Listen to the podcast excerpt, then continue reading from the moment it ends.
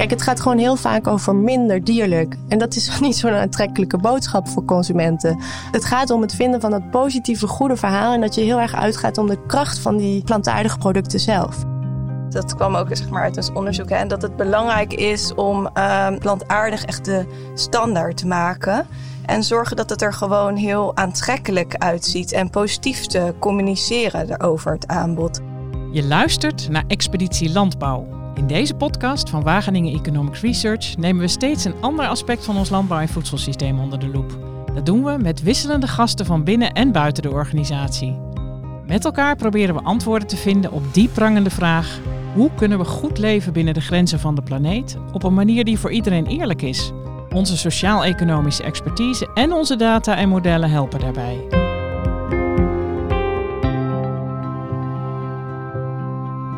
De eiwittransitie, oftewel minder dierlijke eiwitten consumeren en meer plantaardige, maakt een belangrijk onderdeel uit van de transitie van ons hele mondiale voedselsysteem.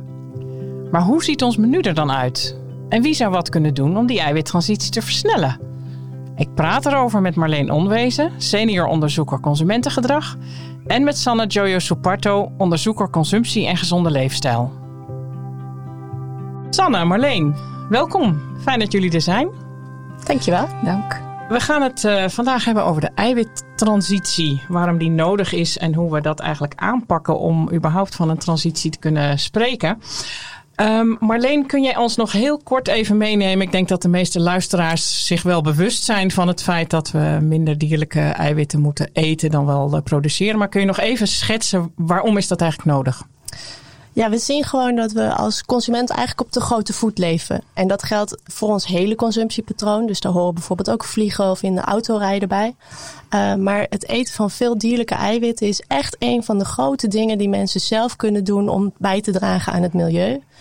En dat komt omdat, omdat het produceren van, van dierlijke eiwitten eigenlijk heel inefficiënt is. Het kost gewoon heel veel meer uh, water, landgebruik, uh, energie uh, om, om vlees en andere dierlijke eiwitten te produceren.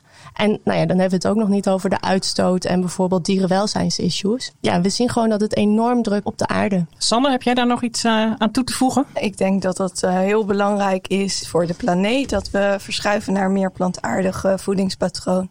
Maar ook uh, voor de gezondheid van mensen. Het kan ook heel erg helpen in de preventie van chronische ziekten. Als je kijkt van wat, hè, hoe zou de ideale verhouding dierlijk-plantaardig op ons bord eruit moeten zien? Hoeveel eiwitten, hoeveel vlees, zuivel, eieren uh, eten we dan eigenlijk nog? Ja, we worden echt uh, om de oren gestrooid met allemaal verschillende doelstellingen. Um, wat we bijvoorbeeld zien is dat het ministerie van Landbouw, Natuur en Voedselkwaliteit heeft een doelstelling geformuleerd van 50-50 in 2030. Uh, maar andere instellingen die noemen bijvoorbeeld meer 60, 40 procent. Dus 60 procent plantaardige eiwitten en 40. Uh, ja, daar heeft de Gezondheidsraad recent ook nog over gepubliceerd. Ja, exact, exact. En ja, meer wetenschappelijke bronnen noemen zelfs een, een verhouding van 20-80. Dus dat er eigenlijk 80 procent plantaardige eiwitten en 20 procent dierlijke. Okay. Uh, bijvoorbeeld het Eat Lancet dieet. Dus er, ja, er zijn eigenlijk verschillende doelstellingen. Maar één ding is heel duidelijk. we moeten verschuiven naar meer plantaardig, minder dierlijke eiwit. Hoe zie jij dat? Hou jij je vast aan een bepaald percentage? Of zeg jij eigenlijk van hoe dan ook moet er minder dierlijk gegeten worden? Ik denk dat we het vooral vanuit zeg maar, maatschappelijk uh, niveau moeten benaderen. En dus niet te strikt op ieder individueel naar 60, 40 of 20, 80. Uh, want dan komt er ook zoveel weerstand. Um, maar dat we echt als maatschappelijk niveau, nou ja, ik denk dat de 60-40 in ieder geval voor de komende jaren een mooie doelstelling is. Ja, dus 60 plantaardig, 40 uh, dierlijk. Exact. Ja. ja. Want Wageningen Economic Research doet natuurlijk al heel wat jaren onderzoek. Hè, dus uh, bestuderen ook uh, hoe staat het met de vleesconsumptie, uh, waar, waar zijn mensen gevoelig voor. Uh, ik heb de indruk dat die vleesconsumptie eigenlijk maar mondjesmaat uh, daalt de laatste jaren. Maar wat, wat weten we inmiddels uh, na al het cijfermatige onderzoek? Wat, wat, wat zie jij daar voor trends in? Ja, precies zoals je zegt. Ja, wat we eigenlijk zien is dat mensen over het algemeen te veel dierlijke eiwitten consumeren. En dat die trend over de tijd heel stabiel is en maar heel gestaag aan het dalen is. En op dit moment zijn, bijvoorbeeld de voedselconsumptiepeiling van het RIVM dat uh, mensen zo'n 57% dierlijke eiwitten en 43% plantaardige eiwitten eten. En als je dat over de tijd vergelijkt, dan zie je dat de afgelopen 15 jaar dat er zo'n 3% verschuiving is naar meer plantaardig. Nou ja, dat is dus zo'n 1% per vijf jaar. Dat schiet nog niet heel hard op. Er is hoop, maar het mag nog wat aangezet exact. worden. Ja. Sanne, kun je iets zeggen over wat zijn eigenlijk de grootste obstakels voor mensen om uh, minder vlees te eten? Ja, nou ja, wij hebben ook onderzoek gedaan, zeg maar, naar hè, hoe het bijvoorbeeld in publieke aanbestedingen die eiwittransitie versneld kan worden. En wat, wat bedoel je met publieke aanbestedingen? Um, nou, het voedsel dat zeg maar publieke organisaties zoals uh, scholen, overheden, um, universiteiten, ziekenhuizen inkopen en aanbieden in hun restaurants en kantines. En wij hebben eigenlijk gekeken van wat zijn nou barrières voor organisaties om die eiwittransitie eh, te implementeren. En daaruit kwam bijvoorbeeld een gebrek aan uh, support, hè, draagvlak of motivatie. Of de angst daarvoor. Van, van consumenten, dat ze het eigenlijk niet. Ja, precies. Van consumenten, van mensen hè, die werkzaam zijn binnen die organisaties. Um, nou ja, op die terreinen. Maar ook bijvoorbeeld een gebrek aan budget, financiële middelen. Um, een gebrek aan bestuurlijke of politieke wil. Um, en ook omdat het soms gewoon niet in beleid is opgenomen of omdat aanbestedingsregels uh, beperkend zijn. Dus dat zijn eigenlijk verschillende factoren die uh, ja, de eiwittransitie eigenlijk in de weg zitten. Ja, ja, ja. precies. Marleen, heb jij daar nog uit consumentenperspectief nog wat aan uh, toe te voegen? Want de meeste mensen doen hun boodschappen in supermarkten. Ja, eh, consumenten die doen natuurlijk veel boodschappen ook in de supermarkt. Daar ligt ook echt een enorme kans. Wat je nu ziet is dat er wel heel veel over wordt gesproken. Uh, maatregelen worden genomen, maar dat die eigenlijk heel erg gefragmenteerd zijn of op ja, heel kleine schaal plaatsvinden. En om zo'n grote transitie in gang te zetten heb je eigenlijk veel meer geïntegreerd palet nodig. Die zowel zeg maar, de motivatie als de vaardigheden als de voedselomgeving verbindt. Wat je nu ziet is dat mensen soms wel willen, maar dat de voedselomgeving niet ondersteunt. Of dat de voedselomgeving het ondersteunt, maar niet triggert om erover na te gaan denken. En je wil eigenlijk dat dat gecombineerd gaat worden en dat je zoveel grotere stappen kan gaan zetten. Ja, dus eigenlijk schets jij dat je als consument in een omgeving leeft of in een wereld leeft waarin plantaardige keus misschien wel de meest voor de hand liggende keus is. Ja, dat zou een mooi toekomstbeeld zijn. En nu zien we eigenlijk juist het omgekeerde. Dus de, de dierlijke eiwitten zijn gewoon de standaard. Als je door de supermarkt loopt, is de standaard is dierlijke eiwitten. En nou ja, dat gaat in heel veel lagen door. Dat gaat van de grotere porties tot de grotere vleesschappen, uh, de recepten. De standaard wordt neergezet als dierlijke eiwitten. Maar dat geldt voor de supermarkt, maar geldt bijvoorbeeld net zo goed voor restaurants of uh, nou ja, inderdaad de publieke sector waar uh, in een kantine andere producten worden aangeboden. Dus ja, er ligt echt een kans om te zeggen van kunnen we juist die plantaardige optie als de standaard neerleggen. Nou, over die voedselomgeving komen we zo nog wat uitgebreider te, te spreken. Ik wil nog heel even terug van de discussies rondom vlees dan wel plantaardig, die kunnen maatschappelijk gezien best wel hoog uh, oplopen. Het zorgt echt wel voor veel uh, polarisatie. Mensen hebben dan het gevoel dat ze aan, aan, aan mijn gehaktbal uh, komen. ik zie ook nog niet heel veel politieke daadkracht op dat vlak de afgelopen jaren. Um, hoe zien jullie dat? Hoe, komen uit die tegenstellingen? Ik denk dat het echt heel belangrijk is om consumenten en al die verschillende groepen echt goed mee te nemen. En juist niet te zorgen voor dat gevoel van, oh, dan pakken ze mijn gehaktbal af. Het voorbeeld wat we zo vaak noemen. En er zijn echt heel veel strategieën hoe je meer plantaardig, minder dierlijk kan eten. En ja, je kan bijvoorbeeld aangeven dat mensen prima hun gehaktbal kunnen blijven eten als het maar minder vaak is of kleinere porties. Of dat ze bijvoorbeeld een strategie vinden die bij hun heel goed past. We zien bijvoorbeeld dat kaas ook een enorme boosdoener is als het mhm. gaat over de Nederlandse diëten en de verhouding dierlijke plantaardige eiwitten en ook de gezondheid van mensen. En het kan bijvoorbeeld dat deze persoon zegt van uh, ik wil wel mijn gehaktbal blijven eten, maar ik vind het prima om geen plakje kaas meer op mijn boterham te doen. Nou, dan kun je ook als maatschappij enorme stappen zetten. Dus ik denk dat het daarom gaat om het aanbieden van die verschillende strategieën die bij mensen passen. Maar ik hoor ook wel eens dat vis iets minder belastend zou zijn dan bijvoorbeeld uh, rood vlees, uh, eieren, kip, wellicht ook minder dan kaas. Hoe moet ik dat zien? Eigenlijk in hetzelfde licht, denk ik. Wat je wil is dat mensen uh, meer plantaardig gaan eten, minder dierlijk. En dat er eigenlijk een gevarieerd eetpatroon ontstaat wat daarbij past. En dat betekent dus dat mensen prima een keertje kaas kunnen eten en prima een keer vis kunnen eten. Maar het gaat ook om het aanbieden van alternatieven die lekker, goed en duurzaam en gezond zijn. Dus bijvoorbeeld peulvruchten en noten kunnen ook een enorme bijdrage leveren aan die transitie. Ja, eigenlijk wil je dat dat hele palet gewoon blijft bestaan en dat mensen ook heel goed bewust zijn dat uh, vis en kip misschien minder belastend zijn voor het milieu.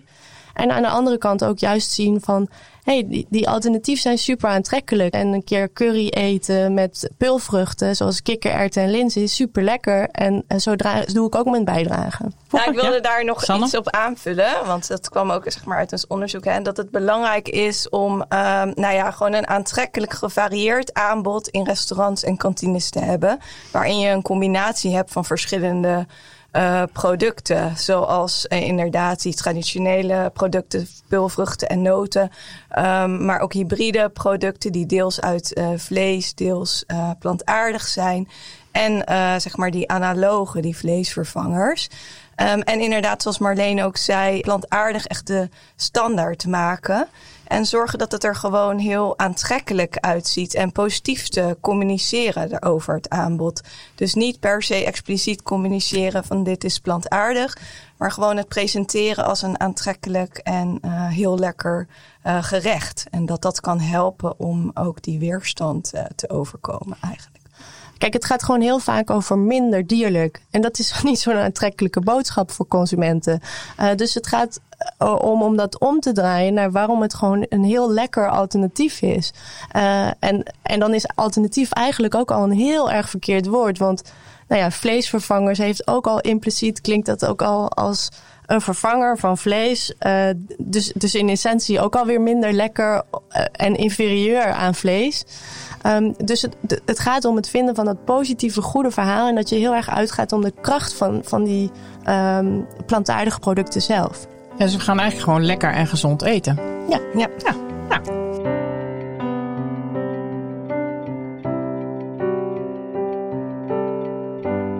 Marleen, ik heb jou wel eens horen zeggen... we zouden eigenlijk gruwelijk veel meer moeten doen... om die eiwittransitie uh, te versnellen. Welke oplossingsrichtingen zie jij voor je? En uh, draaien we wel aan de juiste knoppen? Ik zie echt een heel versnipperd landschap waar echt wel heel veel goodwill is, waar er veel over wordt gesproken, waar er ook wel veel gebeurt. Maar het zijn gewoon kleine interventies die heel versnipperd zijn. En om echt gedragsverandering teweeg te brengen, heb je eigenlijk drie componenten nodig om het vuur te laten branden.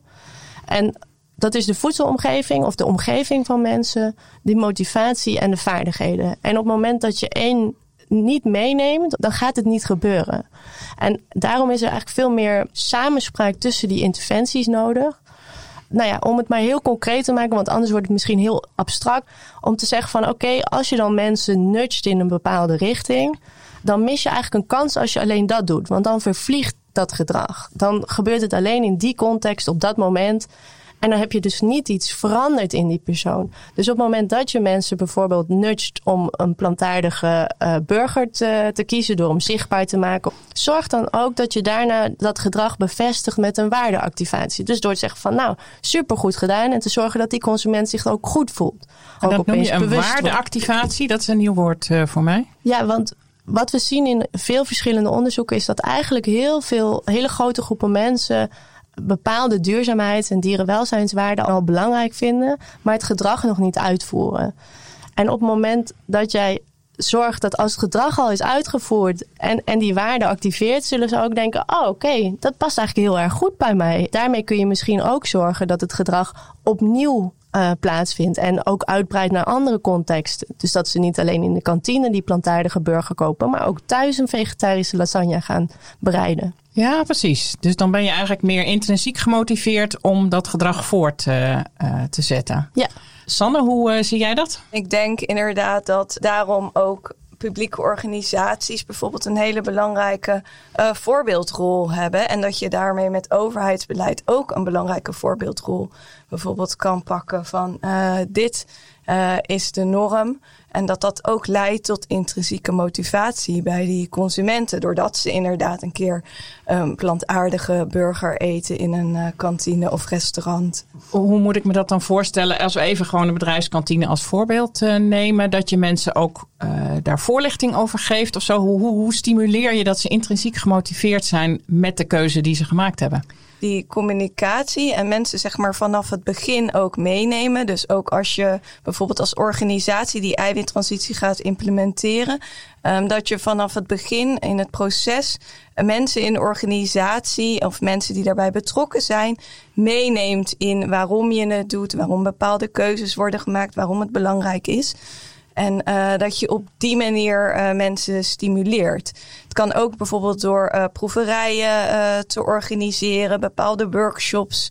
Um, nou ja, dat zijn allemaal eigenlijk middelen om mensen kennis te laten maken, mee te nemen in het proces. Je hoort natuurlijk ook vaak dat prijs heel belangrijk zou zijn. Er is al jaren een roep om een vleestaks. Ook het btw-verlaging op groente fruit is een van de trajecten waar mensen vaak eh, een oplossing in zien.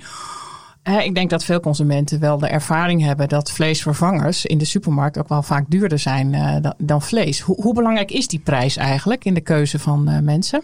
De verschillen in ieder geval worden veel kleiner. Hè? Dus er waren in ieder geval uh, recent wel wat publicaties dat de verschillen tussen vlees en vleesvervangers kleiner aan het worden zijn. Uh, misschien zelfs wel gelijk waren. Prijs is in ieder geval echt een enorm belangrijke factor in het debat. En mensen geloven dat het belangrijk is in hun aankopen.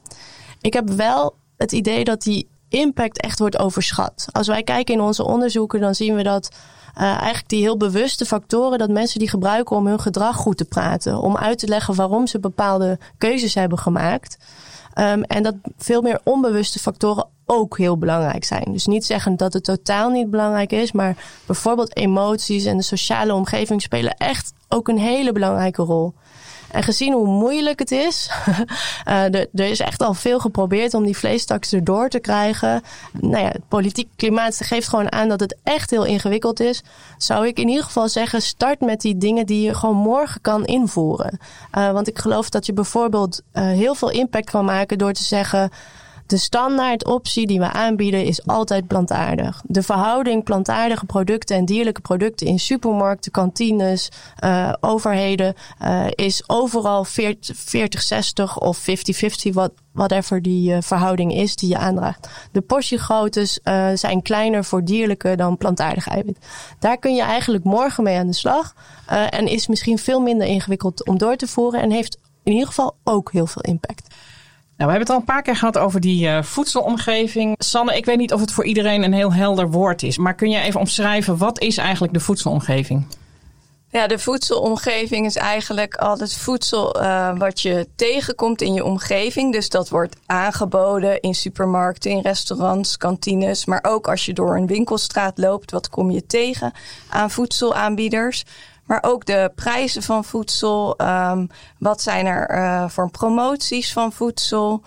Um, nou ja, allemaal uh, verschillende aspecten die daar eigenlijk uh, een rol in spelen. En je kan ook nog denken aan de samenstelling van voedsel, labels, wat staat er op etiketten van uh, voedsel. Uh, nou ja, onderzoek heeft laten zien dat mensen 200 voedselkeuzes uh, per dag maken. En mensen denken vaak van dat ze die keuze heel bewust maken, maar dat ja, eigenlijk maken wij voedselkeuzes heel onbewust. En daardoor worden wij nu op dit moment heel erg verleid tot het maken van die ongezonde en, en niet duurzame voedselkeuzes. We gaan zo nog even iets uh, dieper inzoomen op de rol van de overheid. Ik wil nog even een klein uitstapje maken. Marleen, want jij bent uh, betrokken bij een experiment van een van de grotere supermarktketens om vleesvervangers op een andere manier te presenteren. Liggen ze echt naast vlees in het schap, zeg maar? Om een soort proteïneschap waar je dan als consument een keus uh, uit maakt. Is daar al wat van bekend? Is dat succesvol? Dus er zijn nog niet de resultaten bekend. Wat we hebben gezien is dat eh, mensen eigenlijk groepjes maken van producten. En dat dat verschilt tussen flexitariërs en vleeseters en vegetariërs. En dat op dit moment de supermarkten de vleeseters en de vegetariërs ondersteunen. Want je kunt naar een schap gaan, dat is een vleesschap of een vegetarisch schap, om het maar zo te noemen. Uh, maar die flexitariër wordt niet ondersteund. Die, die moet de hele tijd switchen tussen die schappen. Dus wat gebeurt er op het moment dat je die producten echt naast elkaar legt en je eigenlijk dus mensen dwingt om meer bewust die afweging te gaan maken? Gaan flexitariërs dan vaker voor die plantaardige optie? En nou ja, dat zien we wel al indicaties voor in, in meer labstudies. Maar dat hebben we nu dus op grote schaal kunnen testen bij uh, supermarktketens in Nederland. Onze online studies laten, laten echt al mooie resultaten zien. Uh, en, en ja, de veldexperimenten zijn uh, net afgerond en we zitten diep in de data-analyse. Ik zie een volgende podcast aankomen. we gaan er Wordt vervolgd, diep, ja. dieper op ingaan.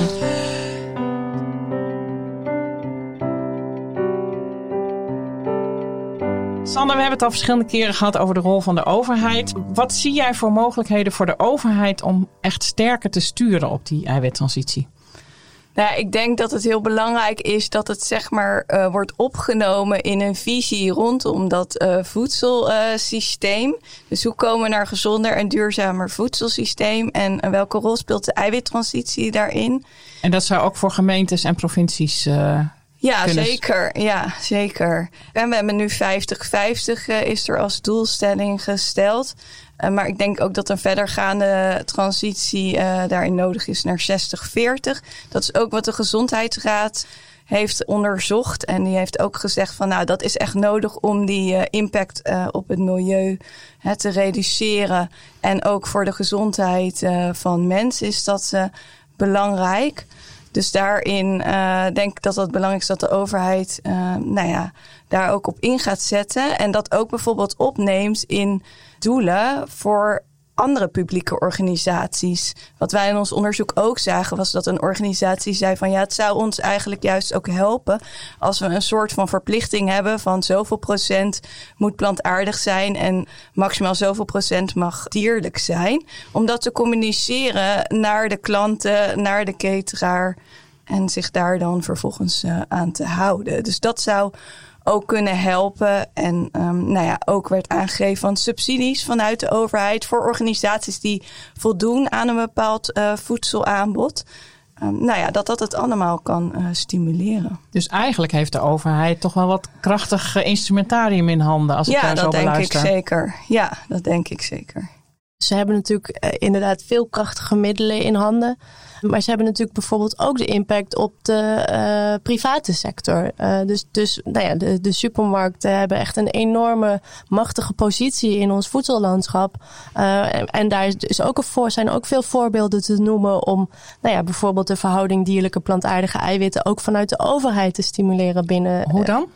Nou, dus, dus door gewoon aan te geven, dit is de verhouding die, die, die, die er moet liggen.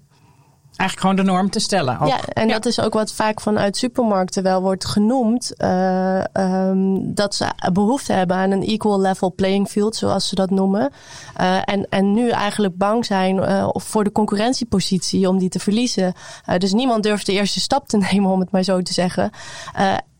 En stellen ze eigenlijk bijna de vraag aan de overheid om, om, ja, om die norm neer te leggen.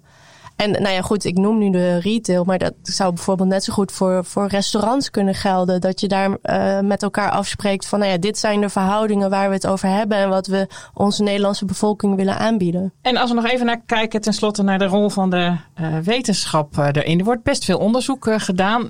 Weten we zo langzamerhand niet al genoeg? Moeten we het niet gewoon gaan doen in de praktijk? We weten al uh, redelijk.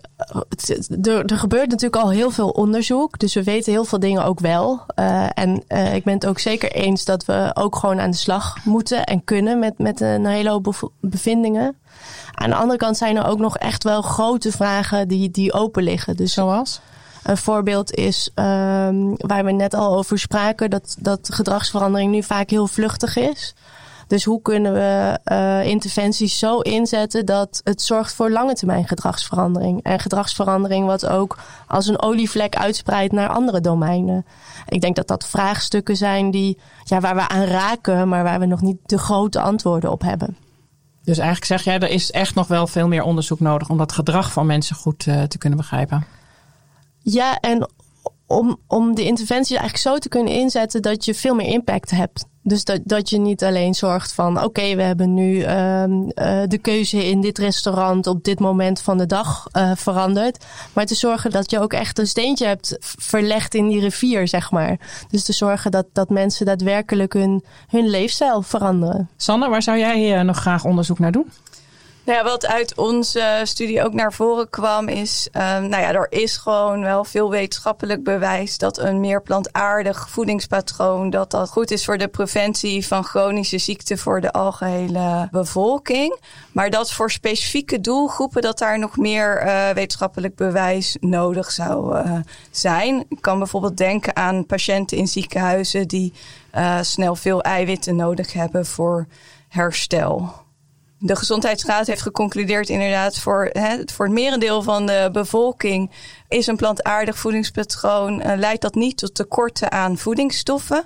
Maar als het bijvoorbeeld gaat om uh, inderdaad patiënten in ziekenhuizen, zieke mensen, um, dan zou daar echt nog wel begeleiding van een diëtist uh, nodig zijn. Ik hoor jullie een heleboel dingen zeggen. Hè. Er is enerzijds meer onderzoek nodig. Tegelijkertijd zijn er al best interessante ontwikkelingen gaande die hoopvol zijn en die misschien opgeschaald kunnen worden. Komt het goed, Marleen? Waar put je hoop uit wat betreft de eiwittransitie? Nou, ik denk dat we um, ook heel veel voorbeelden hebben genoemd die wij eigenlijk al zien, waar je meteen mee aan de slag kunt, die echt de eiwittransitie kunnen versnellen. Dus ik, ik denk dat we daar heel veel hoop uit kunnen putten. Er liggen eigenlijk heel veel mogelijkheden om, ja, om die transitie te versnellen. En waar ik bijvoorbeeld ook uh, uit mijn eigen onderzoeken, wat ik heel positief vind, is uh, consumenten die waarderen dus het milieu of dierenwelzijn eigenlijk wel. Dus het wordt vaak neergezet als mensen zijn irrationeel of inconsistent. Maar er zit natuurlijk ook een hele positieve boodschap in. Namelijk, ergens vinden mensen het al heel erg belangrijk. En als je dat, dat maar kan aanwakkeren, dan gaat het wel gebeuren. Dus um, nou ja, het kan zeker. Sanne? Waar put jij hoop uit? Nou ja, zeker uh, hoop uit uh, de goede voorbeelden die er uh, zeg maar zijn. Van nou ja, organisaties die zich inzetten voor meer duurzaamheid, meer gezondheid. maar ook inderdaad mensen die intrinsiek gemotiveerd zijn om dat te doen. We hebben ook gezien bijvoorbeeld in organisaties dat er echt interne aanjagers nodig zijn. Maar, en dat die echt die eiwittransitie een boost kunnen geven. Um, dus uit dat soort verhalen uh, put ik zeker uh, hoop. Nou, dan gaat het goed komen. Dank jullie wel voor dit gesprek. Bedankt. Graag gedaan.